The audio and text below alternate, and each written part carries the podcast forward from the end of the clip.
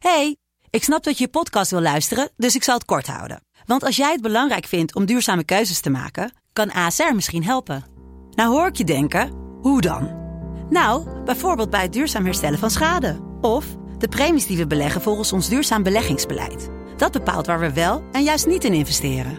Wil je meer weten over welke duurzame keuzes ASR maakt? Ga dan naar asr.nl slash duurzame keuzes. ASR doet het. Zo, dan kan je nu lekker naar je podcast luisteren. Hey, ik snap dat je je podcast wil luisteren, dus ik zal het kort houden. Want als jij het belangrijk vindt om duurzame keuzes te maken, kan ASR misschien helpen. Nou hoor ik je denken, hoe dan? Nou, bijvoorbeeld bij het duurzaam herstellen van schade. Of de premies die we beleggen volgens ons duurzaam beleggingsbeleid. Dat bepaalt waar we wel en juist niet in investeren. Wil je meer weten over welke duurzame keuzes ASR maakt? Ga dan naar asr.nl slash duurzame keuzes. ASR doet het. Zo, dan kan je nu lekker naar je podcast luisteren.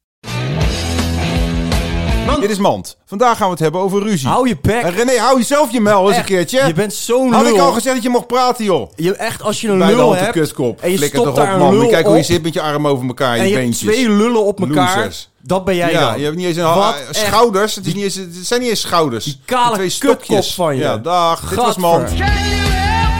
Mand.